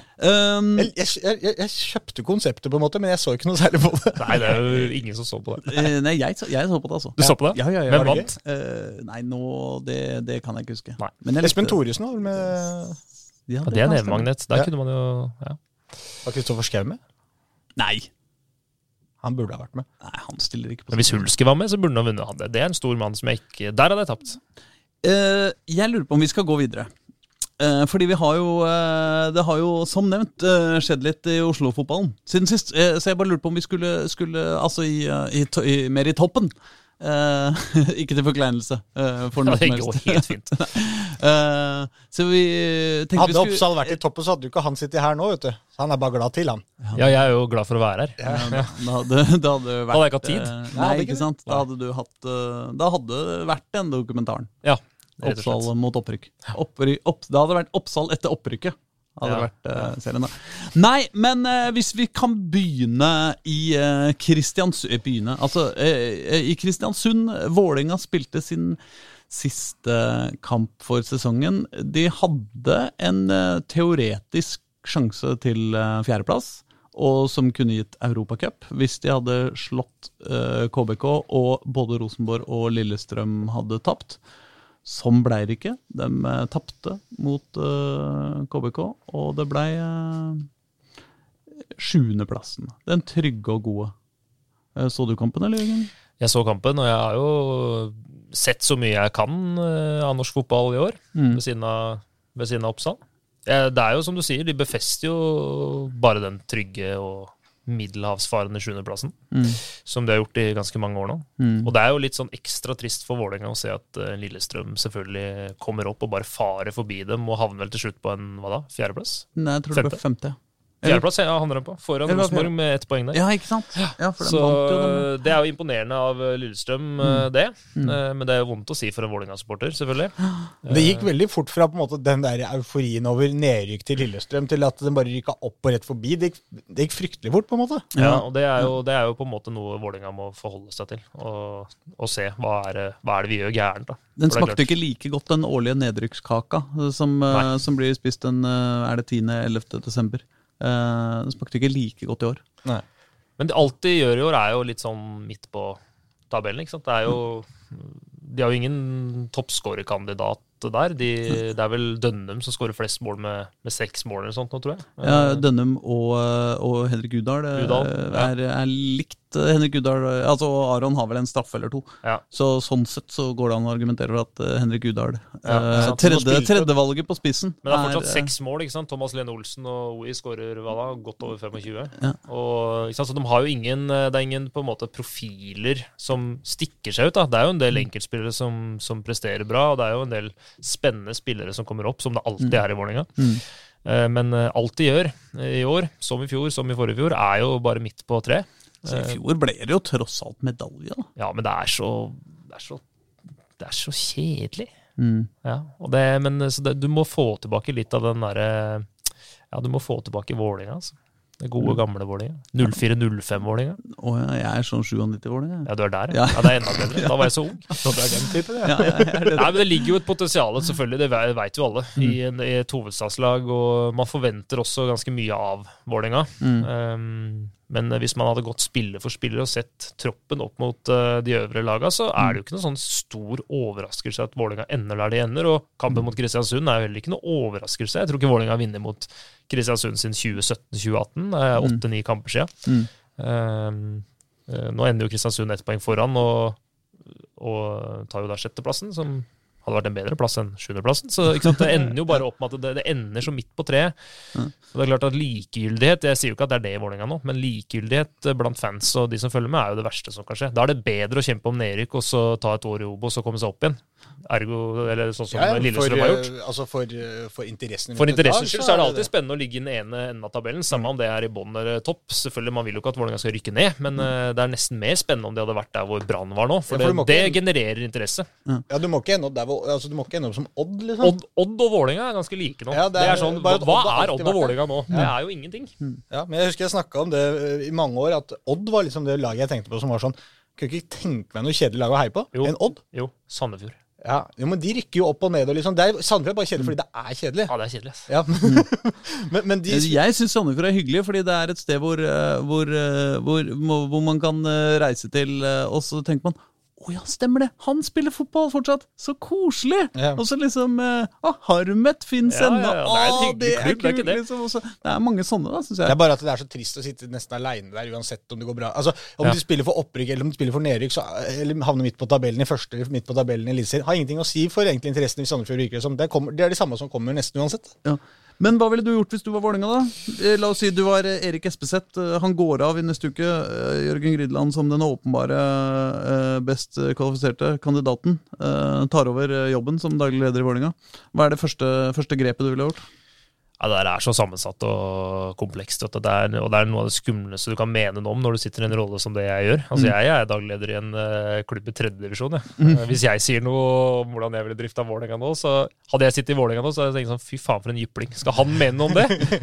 altså, det, er jo, det, det er jo samme som de der eh, sofatrenerne som alltid kommer med uh, Ja, nei, hadde, fy faen, altså. Kjelsås burde gjort sånn, altså. Da hadde de uh, rykka opp, liksom. Men vi har nå for- en gang denne podkasten her, da. Det er jo Ja da, det er det, da! Kanskje jeg skal søke jobb i Vålerenga om noen år, ikke sant? Så må jeg da ikke sant, passe meg på hva jeg sier, Ja. eh, og være veldig korrekt i svarene mine. Eh, nei da, jeg må jo ikke det. Men eh, nei, altså, jeg tror Det er vel egentlig akkurat det Vålerenga hadde trengt. Er jo en daglig leder som det du sier nå, som er litt vålerengsk. Jeg tror Vålerenga, og det høres veldig sånn eh, primitivt ut, eh, men jeg tror Vålerenga må tilbake til å bli Vålerenga. Altså, Det må bli et eh, lag for Oslo, eh, og et lag av Oslo. Fordi eh, potensialet i en storby er eh, bedre fordi det er flere folk her. Altså Det er flere klubber å ta av, eh, og man må definere eh, man må definere noen samarbeidsklubber som ikke er Løten og Nordre Land og Son, men kanskje eh, Oppsal da, hadde vært et bedre valg for dem. Men altså, men eh, eh, det er jo ikke så gærent med Oslo-folk på dette laget nå. Ja, er det, er det så bra? Ja, altså Du har Siddi, du har eh, Osame, du har Christian Borchgrevink Hvis du har, ser på startoppstillinga mot Kristiansund, så har du Dyngeland i mål. Det gir oss ingenting. Suta på venstrebekk. Ja, det gir meg ingenting. Nesberg, fint. Han Ja. mister dem jo mest sannsynlig. ja. Så har du Tollås, ja, det er kaptein og sånt. Jeg sier ikke at du skal bare ha Oslo-folk, men det er jo ikke en Oslo-gutt, det. Han er jo sunnmøring eller sånn. Mm. Borchgrevink, helt nydelig. Det er, det er spillere Vålerenga trenger. Borchgrevink og Nesberg, Mm. helt perfekt. Bjørdal, bra spiller. Eh, så da kan man jo på leve med at det ikke er Oslo-gutt. Mm. Eh, Oldrup Jensen, det gir meg absolutt ingenting. Jeg har skåra noen mål, da, men eh, men eh, so be it. Christensen er en fin spiller å ha. Det er en ung spiller, trenger ikke å komme fra Oslo. Eh, Laioni, få det rett ut. Eh, det er Henrik, såpass, ja. Henrik, ja, ja, det er bare å glemme. Så, hvis du skal drive og posere med Rolex-klokker og leke sheriff før sesongen, så må du prestere og, og gjøre noe på banen òg, altså. For det greiene der, det er tynn suppe. Udal, det er helt ok. Det er i nærheten av Oslo. Det er Askim. Han er i hvert fall blodfan av Vålerenga, Ja, det, det hjelper masse, det. For det er en profil og en spillertype. Noen man kan se opp til. Og så Osame er helt perfekt. Det er, det er på en måte en Vålerenga-spiller. Så, så det er jo ikke så mange ja, for nå på- ja, for Siddi starta jo selvfølgelig ikke, men eh, Nei, han er jo med i benken, så, så, så gror det jo bra. Der har du uh, Holm, som er uh, Rosenborg, egentlig. da Men det er en unggutt. Mm. Så har du Sidi, som er øh, Oslo. Det er en type spiller Vålerenga bør satse på. Mm. Eh, og så har du disse her eh, Risnes, en fin uh, unggutt, født i 2004. Du har Sjøeng der, uh, Brageskaret. Der, der bor det masse bra. Så det er å finne Mm. kombinasjonen av det å satse ungt eh, og Oslo, og det å ha profiler. Du kan ikke gå all Oslo og all ungt hvis du skal på en måte hamle opp med Molde og Bodø-Glimt. Men Bodø-Glimt har jo prestert nettopp av de spillerne som kommer fra Bodø. Det er jo Patrick Berg og Ulrik Saltnes og sånt som har drevet det laget nå.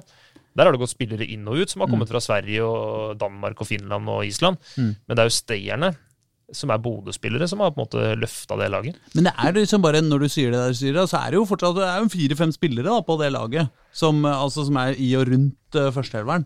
Som er, eh, som er uh, Oslo, eh, Oslo-gutter. Og så er det Så kan du jo si altså, Hvis du sier at uh, Amor og Oldrup da, er de du, det var de du kjefta hardest på nå, på en måte, så kan du si Amor har ikke, har ikke sittet i år. Men det var, en, det var jo noe man trodde at skulle være å hente inn en topp, topp klasse eh, eh, eliteserieprofil. Absolutt. Eh, og Oldrup eh, er jo eh, også Det er jo også en spiller man henta med, med ideen om at det her skulle Altså Han har gått rett inn på laget og spilt Ikke sant? Vært førstevalget helt siden det øyeblikket han kom til klubben. Så, så liksom Er det så jævla gærent, da? Nei da, og du hadde jo ikke slakta, og det er jo ikke slakt heller, det er bare, en, det er bare misnøye. Så, men, men det er klart, du hadde jo ikke sagt det samme til Haugesund hvis de hadde bomma med et sånt kjøp. Fordi du har Eller folk i Haugesund hadde vel sagt det, men jevnt over så hadde du ikke slakta Haugesund på samme måte. For det ligger ikke de samme forventningene til Haugesund, Sarpsborg og eh, Sandefjord som det gjør til eh, Eller Mjøndalen, for den saks skyld, som det gjør til Vålerenga, som er et hovedstadslag som i utgangspunktet i utgangspunktet bør være å kjempe om førsteplassen hvert bidige år. Hvert bidige år. Og da skal man på en måte utvikle seg også. Man skal utvikle seg til å For de skulle bli unike i Norden. Mm.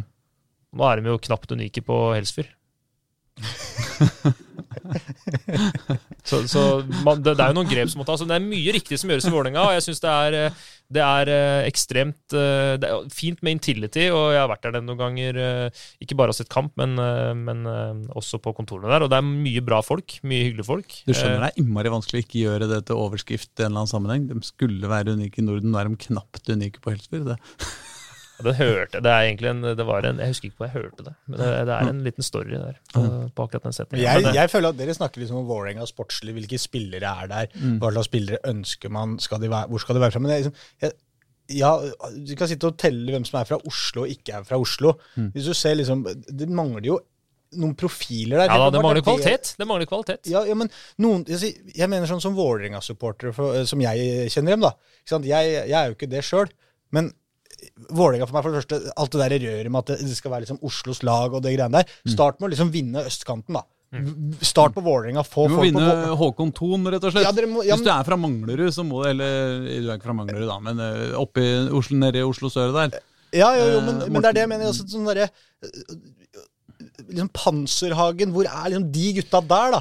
Som sånn der, som melder noe, som sier noe. Dette er ikke et problem bare for Vålerenga, dette er et problem for fotballen generelt. Det er derfor vi inviterer Jørgen hit, fordi Jørgen faktisk eh, evner å si noe annet enn bare det åpenbare hele tida. Mm -hmm. Det er litt sprut noen ganger.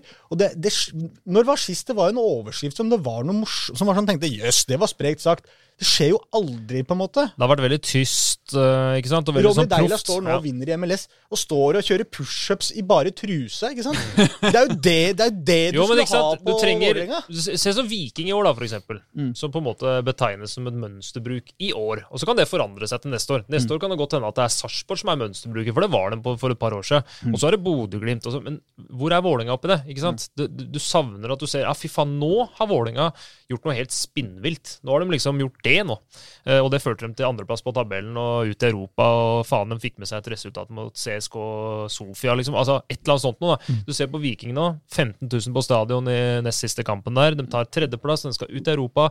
De har spillere som slåss med hverandre på banen. Helt nydelig. Få mer av det, da.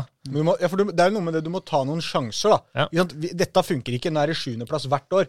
Nå må, vi, nå må vi gamble. Enten så går det til helvete, og da havner vi i en, eh, kanskje helt ned på en, en nedrykkskamp. Men som vi snakker om, det skaper i hvert fall noe annet enn den der forbanna midt på tabellenplasseringa. Eller så funker det dritbra, og så går det oppover. Viking har gjort noe som ingen andre har gjort. Altså, de har jo vært ord i verden, men de har jo vært eh, fremoverlent. Altså, de har jo, de har jo eh, ansatt en dagleder som er yngre enn meg. Altså, han er jo 29 år.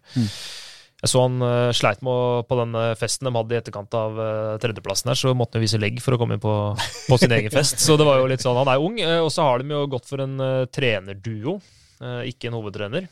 Eh, og så har de fått med seg byen sin da, på, på en fest, og da Det, har, det er undervurdert, det, altså, i norsk fotball. Eh, det å på en måte ha med seg uh, Ha med seg byen sin, for det gir motivasjon, altså. Ja, altså, men som du sier, når du får inn liksom noe av de der litt yngre kreftene, og, og ung, og du i tillegg brenner noe veldig og har ambisjoner for den klubben. Ikke sant? Det er jo noe som folk syns er dritkult, for her tenker du han kan bygge noe.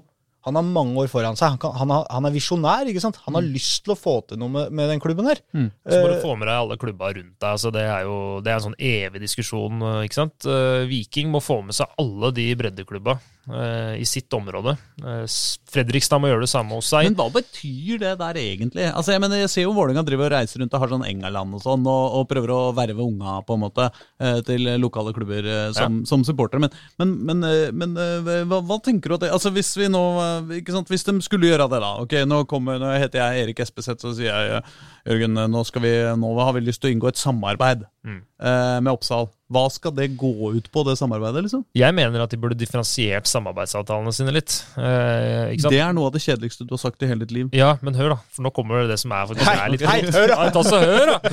Hør, etter, da, så sender jeg deg rett i kjelleren på Tveita der. Der sitter kvalen, 85 år, klar til å bokse deg rett i ansiktet. Nei da. Eh, men at, at de lager noen avtaler som Én ting er å reise til eh, Haraløkka eller til Trassopp eh, eller til eh, Veitvetbanen og vise ansikt, for det er viktig nok i seg sjøl. Det har merverdi. Eh, og det er hyggelig, det. eh, hvor du samler 150 gutter og jenter på, på en eh, bane der og har litt Engaland og deler ut noen effekter og får noen unge spillere til å skrive autografer og sånt. Det er vel og bra. Det er kjempefint, for da kan det godt hende de kommer på neste kamp, og så vinner de neste kamp på inntil, så kommer de igjen. Det er en måte å skaffe seg tilskuere på.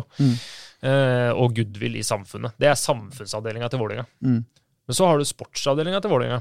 Og der mener jeg man kunne gjort eh, mer ut av samarbeidsavtalene enn å bare eh, jatte rundt på sånne småbaner og, og vise ansikt. Altså, det er det jeg mener med differensiert samarbeidsavtale. Du kunne gått på en del sports, sportslige samarbeidsavtaler som Oppsal hadde ikke trengt at de nødvendigvis kom eh, til Trassoppbanen og delte ut eh, reflekser hvor det står eh, Intility på. Vi hadde trengt et sportslig samarbeid med Vålerenga, eh, hvor vi hadde klare planer på hva vi gjør med de beste 14-15-åringene våre, f.eks. Mm. Eller hva Vålerenga ønsker med de beste 16-åringene våre. Altså Når Premier League-klubber kan komme til Norge og ha Liverpool Academy på Klemetsrud, så burde Vålerenga kunne hatt noe av det. Ja, men ikke sant? Du skjønner hva jeg mener? Da Da kunne, da kunne Vålerenga hatt noe av det. Ja, også, også en sånn klar tanke om hvor er det Vålerenga vil hente eh, spillerne sine fra. Altså definere noen områder. da. Eh, Oslo er stort. Det finnes ganske mange store, veldrevne breddeklubber i Oslo. Eh, og litt av tendensen har vel vært at altså, da jeg var ung, så var det jo ikke noe tvil. Hvis du var dritgod i Oppsal, så dro du til Vålerenga. Mm. Det sa seg sjøl, det. Eh, eller Skeid den gangen. Eh, men ting har forandret ting har forandra seg litt nå. Eh, Det har jevna seg litt mer ut. Du ser jo vi har flere lag i toppen. Koffa er jo eh, oppe og kjemper om Eliteserien hvert år. Eh, Grorud har tatt noen kjempesteg i det siste. Mm. Unge spillere fra Oppsal de drar ikke til Vålerenga lenger. Nei. De drar til Grorud og Koffa. Ja. Eh, og det er jo noe vi må på en måte jobbe med sjøl, for å unngå å miste dem dit. Men, men eh, det ville jo bare vært naturlig at de egentlig dro til Vålerenga. Jo, hvis det er plass til dem i Vålerenga. er Ja, og, da, og, og da er jo på en måte da er man inne på kjernen. Hva, hva er egentlig systemet i Vålerenga? Mm. Du henter jo inn en del spillere på 14-15 i Vålerenga, Mm. 13-14-15, som bare er der i noen år. Og så skjønner jeg at det ikke er plass til alle, for det er, du skal gjennom noen sluser, og det er et eliteprosjekt. Men hvor blir de Er det noen plan for de spillerne som eh, faller av på 16? da? For nå er det jo sånn, ikke sant? De gutta som er 16 nå, hvor skal dem hen? Hvis du ikke får kontrakt, eller gjør juniorkontrakt, da, eller er aktuell for noe annendivisjon, eller eller hospitering med A-laget, så ja, hvor da? Er det da enten tilbake til gamleklubben din, eller så er det å dra til Grorud, Kjelsås, Oppsal, eh, Skeid, hva som helst. Mm. Så det å liksom ha et Det kan godt at de har det, men det virker jo ikke sånn utad. At de har et system på hvordan de på en måte plukker Oslo-gutta. For det, eh, det er en del Oslo Det er en del Oslo-spillere som er sultne der ute, altså. Mm. Gå tilbake til Holmlia-tidene, eksempel, da når du hadde liksom eh, ja, Furuset og Holmlia, når du hadde Hermet Singh, Mohammed Fella, Amin Nori fra Glemmesrud. Mm. kombinert da, med Steffen Iversen og Hulsker og Panserhagen og Tom Henning Hove. Altså, det var en kombo som åpenbart funka den gangen. Med unge spillere fra Oslo, profilerte spillere eh, i en kombinasjon. Det var dritbra. Tom Henning Håvi som profilert uh, spiller, det er, det er bare i Vålerenga. Det er bare i Vålerenga, ja. Men du snakker jo om Vålerenga, da. Men jeg, jeg er enig. altså Han eh, ble vel uh, kåra til uh, norgeshistoriens uh, nest uh, største profil eller et eller annet sånt på et tidspunkt. I en nettavstemning ble han ikke. Jo da. Jeg er glad i Vålerenga. og Jeg mm. håper alltid at Vålerenga skal vinne eh, Eliteserien. Mm. Og jeg håper at de skal vinne hver kamp, eh, og ønsker Våle- Vålerenga alt det beste. Jeg håper bare at de eh, finner sin vei, da, og, og liksom finner ut av ting. For det, det greiene hun driver med nå, det er, eh, det er så kjedelig. At, eh, og det, det gjenspeiles jo på Intility. Det er ikke 15 000 på Intility, sånn som det er på Viking. Jeg husker ikke hva den staden heter. S-Bank eller SR-Bank Arena. SR Arena. Ikke sant? Dem, dem, der, er det, der er det full pyro og fyrverkeri og 15 000 tilskuere fra, fra byen. Men, men jeg, kan jeg bare skyte inn én ting så, sånn fra utsida når du ser Vålerenga og er fra byen? Det er jo at Vålerenga har jo alltid hatt en sånn klar uh, identitet på at uh, Litt sånn vi hater alle, alle hater oss. Og enten så er du med oss, eller så er du mot oss, på en måte. Eh, og I motsetning til ganske mange andre av disse lagene som tilhører de større byene, Rosenborg og Brann og Viking og, og Start osv., det er liksom byens klubb. V- Vålerenga, uansett hvor mye de liker å melde på alle andre at det er bydelsklubber i Oslo, Ja. så er Vålerenga eh, faktisk en bydelsklubb i Oslo sjøl. Det er bare at det er den største klubben. Ja. Og, det er ganske, og de har et enormt eh, junior- og barnefotballapparat. ikke sant? Så alle som vokser opp i Oslo, har på et eller annet tidspunkt møtt Vålerenga som barn eller ungdom. Eh, og som Jørgen sier også, samme på Klemetsrud, de beste gutta der da jeg var ung, de gikk til Vålerenga. Og da ble du litt forbanna på Vålerenga. hvis du ikke i utgangspunktet var glad i Vålerenga, så ble du sånn Faen, mista vi han til, liksom Gikk han til Vålerenga også? da? Han skal spille der for, da. Og de, de møter vi av og til, og gruser oss. Så du blir jo litt sånn misfornøyd med dem hele tida. Se på Rosenborg og sånn. Det er ikke mye barnefotballag som flyr rundt i Trondheim og heter Rosenborg. Det er alle andre. Og, så, og så vokser de opp med at Rosenborg er målet, mens mange i Oslo vokser opp med liksom Vålerenga er fienden. Jeg tror noe, noe ligger der. Og dette, da snakker jeg ikke om de beste fotballspillerne, for de kan fort ende opp i Vålerenga likevel. Men nå er jeg tilbake på dette med supportere. For disse gutta som meg, da, som spiller fotball som ikke var gode nok, vi ender jo opp som supportere. Men kan ikke heie på det blir det samme, kan ikke heie på Nordstrand heller. ikke sant? Kan ikke heie på de andre lagene som vi driver og møtte hele tida. Kan ikke egentlig heie på Oppsal heller, men det er vanskelig da, med Jørgen der. Så du går, går inn for Vålinga som en, som en rein voksenklubb? Legge ned breddeavdelingen, eller bytte navn til liksom eh, Nei da, jeg vet ikke. Nei, fordi jeg, men det er det jeg mener at Vålinga er et bydelslag, det også. Og de har tatt, det er et samfunnsansvar de har eh, for sine unge i det området som er Vålerenga. Men det, liksom, den der må forplante seg hele veien. Da, at det, det er den identiteten der må bygges sterkere. Og nå føler jeg at de har mista litt av den derre uh, vi hater alle, alle hater oss. Vi skal være Oslos stolthet. Alle skal til oss. Reidar skrev en kjempefin uh, kommentar om dette her, hvor han sa at både Lyn og Vålerenga har med jevne mellomrom fått inn folk som styrer og steller, og som har en idé om at det skal bli Oslos stolthet. Oslos lag, liksom. Mens det er aldri noen på disse stedene som har no, hatt noe ønske om det. Det, er- det er ingen som egentlig altså, Du ser bare, du kommer inn og er, mm, skjønner penger. Tenker du Hvis vi får med oss hele Oslo, så er det masse penger. Men, men det er et helt håpløst prosjekt. Du må starte på Vålerenga. Det blir det mest interessante som skjer på Helsfyr. Start der. Mm. Ja, ja, men det er riktig det. Og, og, men også hvorfor, på en måte, når du ser på toppskåreren i år da, i Eliteserien, hvorfor er Hvorfor er, og Det er sikkert mange grunner til det, til det men hvorfor er Ohi i Molde? Hvis du sitter i Sverige eller Danmark eller noe sånt og tenker sånn Ja, men Oslo, Oslo ja, Norge, Eliteserien altså, Ja, det er ett lag fra Oslo da, som er hovedstaden, og det er Våle. Ja, Toppskåreren ø, i Eliteserien Ja, han er fra Oslo. Han spiller i Molde, ja. En by med en ferje og en uh, liten gågate, liksom. Altså, Hvorfor har det blitt sånn? Hvorfor er Erik Botheim Nå er han Lyngutt, da. Hvorfor er han i Bodø og ikke i Oslo? Det er Oslo-gutter, da. Så du, du har toppskårere på toppskårere hvert bidige år nå. Thomas Lene Olsen er jo fra området rundt Lillestrøm. Han spiller i Lillestrøm og bøtter 27 mål, og det mener på fjerdeplass. Så hvorfor har ikke Vålerenga Hvorfor er alternativet til Vålerenga Kjartansson, 33 år skada fra Island, og Henrik Udal, som er tross alt uprøvd på nivå, men en fin fyr? Hvorfor, er de, hvorfor er det alternativene? Du kan ikke si at nei, sesongen ble sånn fordi Dønnum dro. Dønnum, ja ja, det er bra, det. Men det ikke, han skårer ikke 30 mål og redder Vålinga. Det gjør han ikke. Men dere, nå må vi videre fra Vålerenga. Kjør på. Jeg var litt irri- irritert over den eh, forrige eh, replikkutvekslinga her nå, fordi jeg hadde en jævlig god overgang fra SR Bank Arena og til dit vi skal nå. Ok, men vi kan ta SR Bank Arena en gang SR til, Bank. Arena, var det ikke det den het? Eller Jo. SR Bank Arena? Jo, i Stavanger. Ja. Apropos sånne sponsornavn. eh, Det er jo vanligvis mot sponsornavn på stadioner, men akkurat én stadion som kanskje burde ha fått seg et sponsornavn, og det er Levermyra Eh, uh, Er, er det en som ikke burde ha det, spør du meg, så er det Levermyr. Så da donerte levere.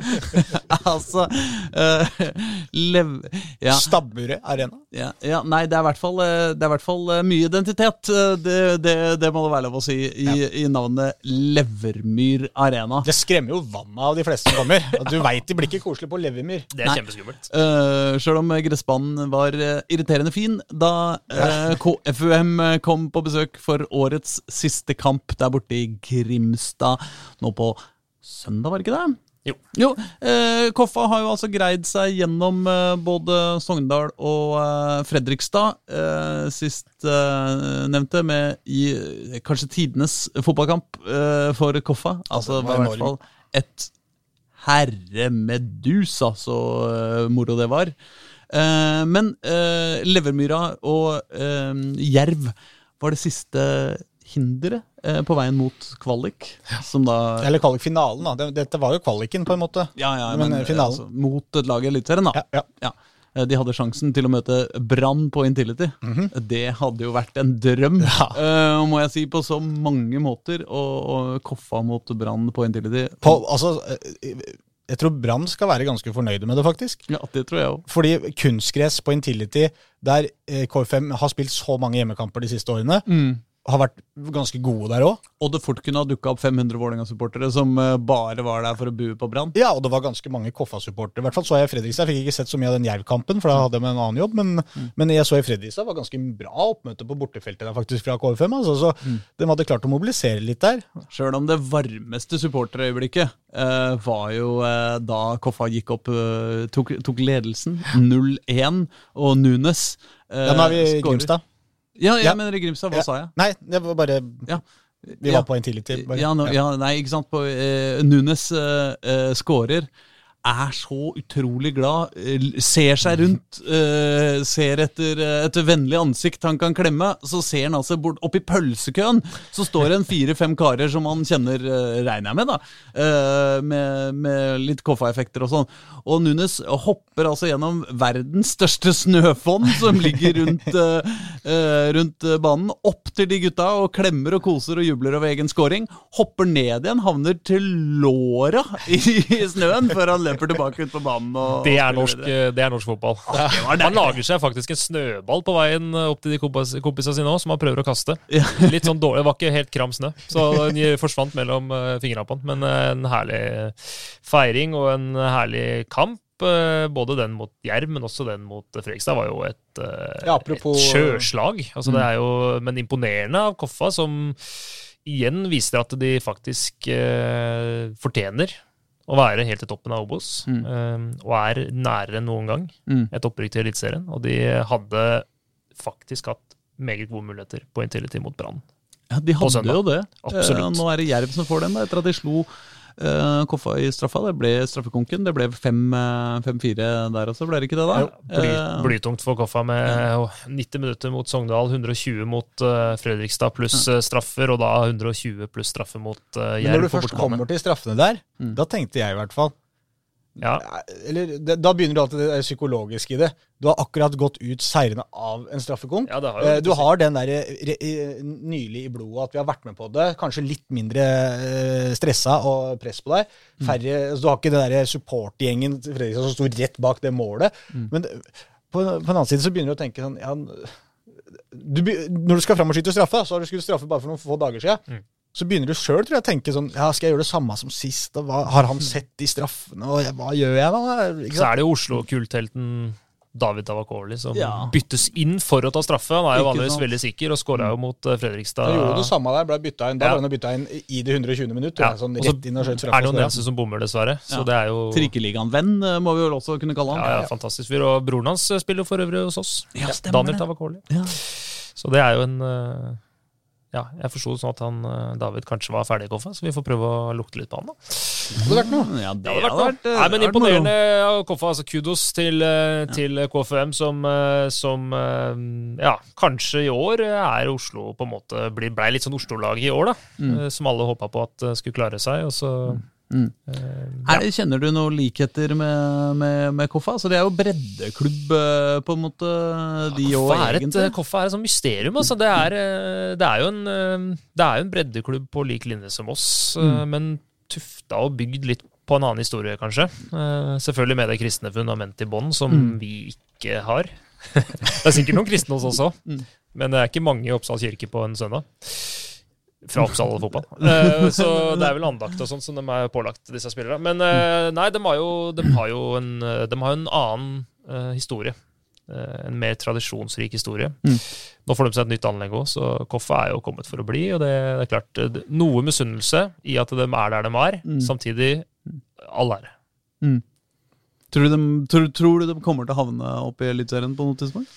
Ja, du skal ikke se bort fra det. Um, Men Det, det er jo det bare vanskelig å si. høres så rart ut. Samtidig så er de så nære nå sportslig. Ja, men når du ser en del andre klubber som eh, har vært og er i Eliteserien, er det egentlig så rart? Altså, Mjøndalen, er det, noe er det så mye bedre forutsetninger for Mjøndalen enn KFM, egentlig? Nei, men du, du skal, Nå er jo riktignok Mjøndalen et bitte lite høl oppe i Drammenselva. Eh, unnskyld at jeg sier det. Uh, Jeg ser alle våre lyttere fra Mjøndalen. ja, ja. ja, Eh, alle de.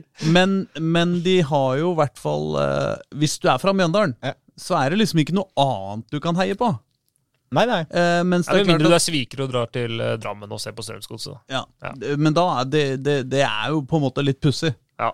Mens, eh, mens eh, hvis du er fra uh, ja, la oss si området oppe på Ekeberg der, da. Ja. Ikke sånn som er nærområdet til Koffa. Det er jo selvfølgelig jævlig få folk som eh, er der. Det er jo villastrøk. Ja, så har Eh, du Bekkelaget på en måte oppå deg.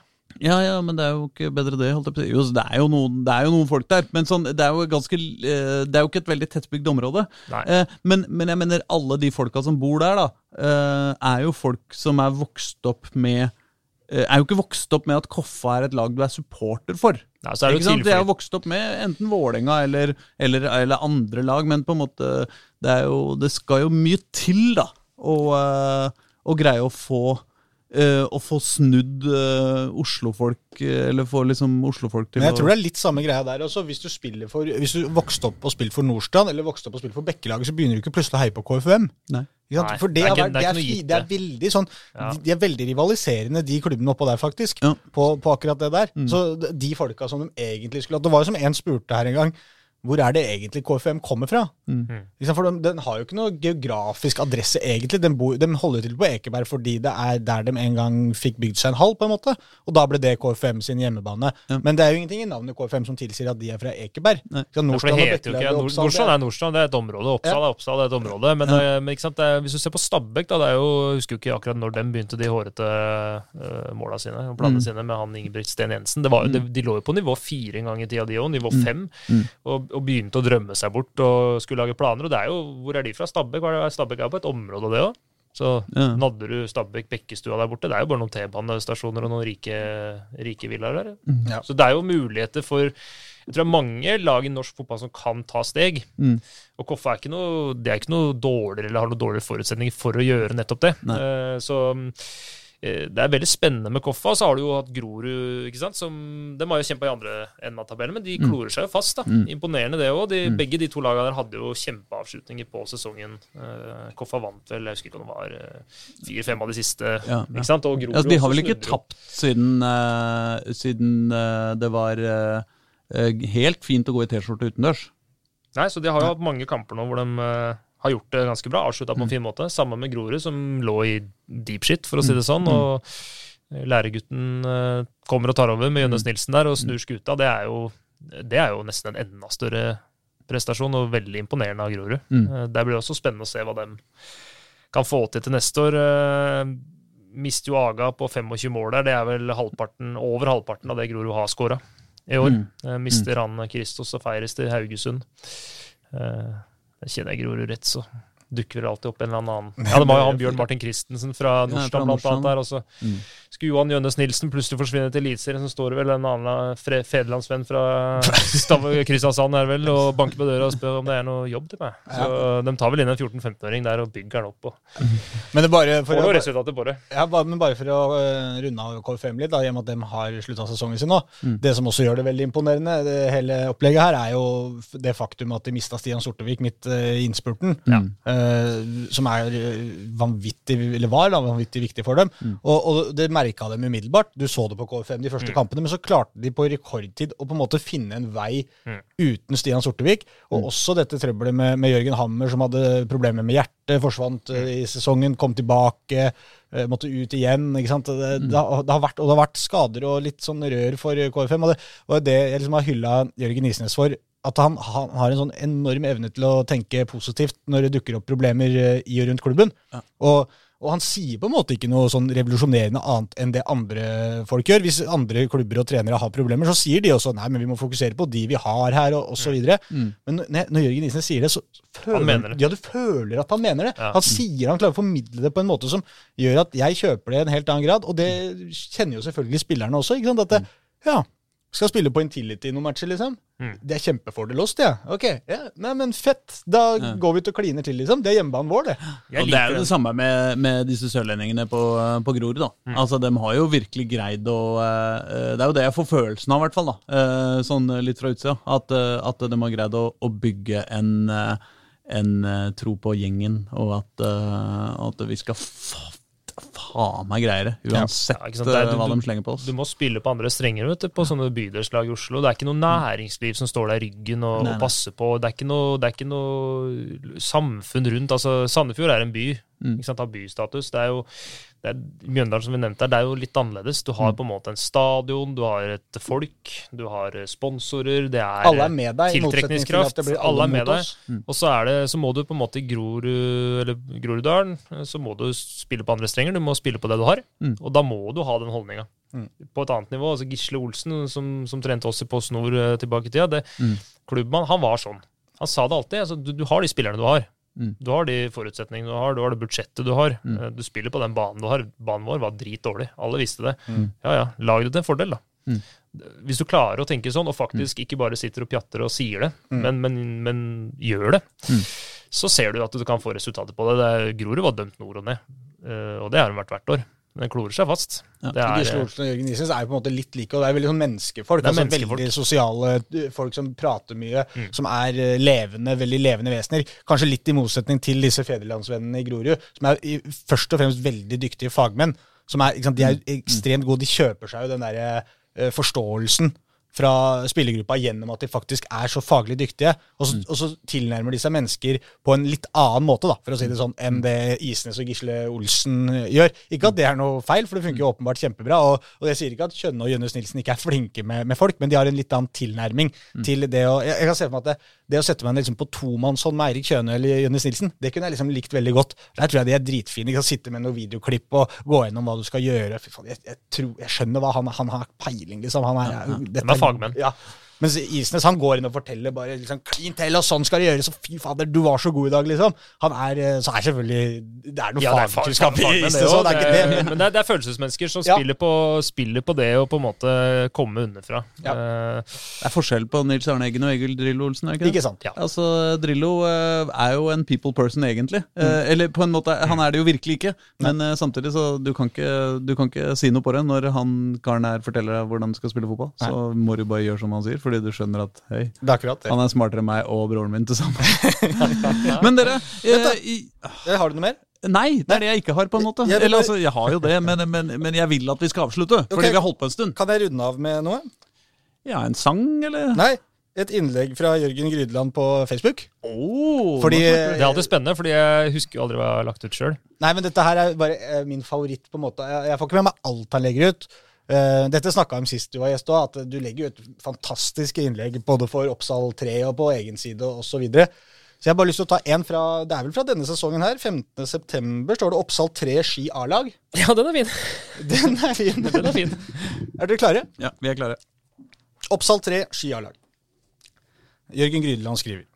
Jeg har blitt gjort oppmerksom på at ansvarlig for sosiale medier og tekstformidling på Ski sitt A-lag har skrevet et lite referat etter det blodige oppgjøret sent torsdag kveld. I denne anledning vil jeg bare si at jeg i utgangspunktet ikke hadde planer om å kvesse pennen denne uka, men You Leave Me With No Choice, som den ukjente countryartisten fra Pittsburgh Matt Westin sang i 2018. Sent søndag kveld, akkurat idet pærene på den siste fungerende lysmasta på treningsbanen sa god natt, kom den grå minimus dundrende inn på parkeringsplassen på trass opp. Vanligvis er det forbundet med drive-by-shooting eller bortføring, men vi skjønte fort at vi ikke trengte å frykte noe her. For på innsiden kunne vi skimte 18 veltrimmede testosteronbomber med hver sin matpakke, tribal-tatovering og Renate i hårvoks, til lyden av den nyeste juleplata til Ski kommunes mest kjente artist gjennom tidene, Christian fra A1. Preppet de seg til et tøft oppgjør mot Oppsal 3. Ikke Oppsal 1, ikke Oppsal 2. Oppsal 3. Etter litt krangling om tilgang til garderober, noe dette satsingslaget fra Nordre Follo kommune, også kjent som landets første mutantfylke etter sammenslåing, naturligvis forventet at de skulle få, ble vi enige om at egen buss og garderober kanskje ble litt i meste laget når vi faktisk spiller i femtedivisjon, lokal serie. Skift ute, dere. Kampen ble satt i gang, og det tok ikke lang tid før et par av de gulkledde syntes at lyset på Trassopp var litt skarpt. Au, au, faen, det svir i øya jo, ser jo ingenting ropte den ene rottweileren til den andre. Så var vi i gang, da. I løpet av de første 45 minuttene registrerer vi 166 ulovlige taklinger, 97 stopp i spillet, et par gule kort, noen blåmerker til begge lag, og et klart ønske fra flere om å fremstå som Pete Dunham fra Green Street Hooligans. Det står i hvert fall 0-0. Alle blir enige om å roe ned litt i annen omgang, men det funka bare ikke. Gutta fra Ski skriver i sitt referat, og jeg siterer, Oppsal velger å stikke nesa i været og rope velkommen til østkanten, og vi måtte høre på den kjepphøye tonen som spredde seg hos de blå smurfene av noen gangstere. Her er det mye å ta tak i. Historieløs beskrivelse. Alle vet at smurfene holder til på Kjelsås. Velkommen til østkanten, sa vi for å bygge opp et minimum av geografisk kunnskap, da vi gjentatte ganger fikk høre at vi var et typisk vestkantlag. Den høyblokka bak Blotterskogen finner du ikke på Holmenkollen, sa vi, og fortsatte kampen. Velkommen til østkanten. Gangstere har vi aldri vært, selv om den nyanlagte Calvin Phillips-sveisen til Anders fra junior er det nærmeste vi kommer undergrunn. Det er ikke resten av laget sin feil. Vi tar ledelsen 1-0 etter 60 minutter, da, ved unggutten Markus Nygaard. Det er klart, da er vi ikke så greie å ha med å gjøre, fram til utligningen ti minutter før slutt. Den kommer for øvrig på et relativt bra frispark fra 25 meter, men da var det ingen som klaga på sterkt motlys fra massene, nei. Alt i sin tid. Det er mer temperatur de siste ti minuttene enn varmekablene på badet til en døende oldemor. Det ender til slutt med nok en dødball, som stort sett er det Ski kan. En rolig ball med snø på inn i boks. Der står det sju mann over 195 cm med svettebånd på armen og dunbart og bare venter på å stange den i mål. Sjanseløst og 1-2. Dommer blåser i fløyta, lyset går, og vi rusler hjem med null poeng. Men jeg klarer bare ikke irritere meg over det. Ski, liksom er lillebroren til Vinterbro, som igjen er lillebroren til Tusenfryd, som igjen er lillebroren til Hunderfossen, egen buss, gule drakter, sinte trenere i grå joggebukser, dødballer. Nei, jeg tåler et tap da, altså. Nei, det er vakkert. Ja, det, det er fint. Nei, men eh, da tror jeg vi lar det være med det. Og så ses vi vel en, eh, til neste år en gang, da, Jørgen. Ja, er neste, neste vinter, da. Hvilken, eh, hvilken plass eh, kommer dere på uh, i, i 2022, tror du? Jeg kvesser pennen. jeg uh, tipper vi kommer på andreplass. Andreplass. Og her har det vært deres munnbind med Oppsal-logo. Jeg kommer jeg kommer jo alltid med gaver. Ah, du Så flate, bruk det. jeg Oppsal-boka. Ja, jeg jeg trodde du skulle ta med flaske vann, jeg nå. Nei, Oppsal-vannet. nei. Vannet har fryst. Ja, men det er jo det neste spørsmålet. er jo Ja, for vi var ikke ferdig. Hvilken, uh, hvilken eh, stadion eh, Eller anleggs... eh, hvilke anleggsbehov har dere nå, i og med at eh, dere fiksa vann i fjor? Ja, er, Vi trenger et medietårn. Altså Vi trenger et tårn hvor det kan filmes kamper fra, for det er, jo, det er vi jo pålagt å gjøre i Norsk Tipping. Og det har vi ikke. Eh, Så disse her stakkarene fra A-media som driver og klatrer opp på det lille stillaset vårt, som ikke er HMS-forsvarlig, det er Vi trenger et nytt filmtårn. Så hvis noen har lyst til å sponse oss med det, så er det bare å ringe 955 26510. Jørgen Grylland. Ja, det, det må dere få til, eh, kjære lyttere. Eh, men da tror jeg vi sier ha det. Ha det. Ha det. bra. Ha det. Ha det. Du har hørt en podkast fra Dagsavisen. Ansvarlig redaktør heter Andreas Heen Haaland Karlsen.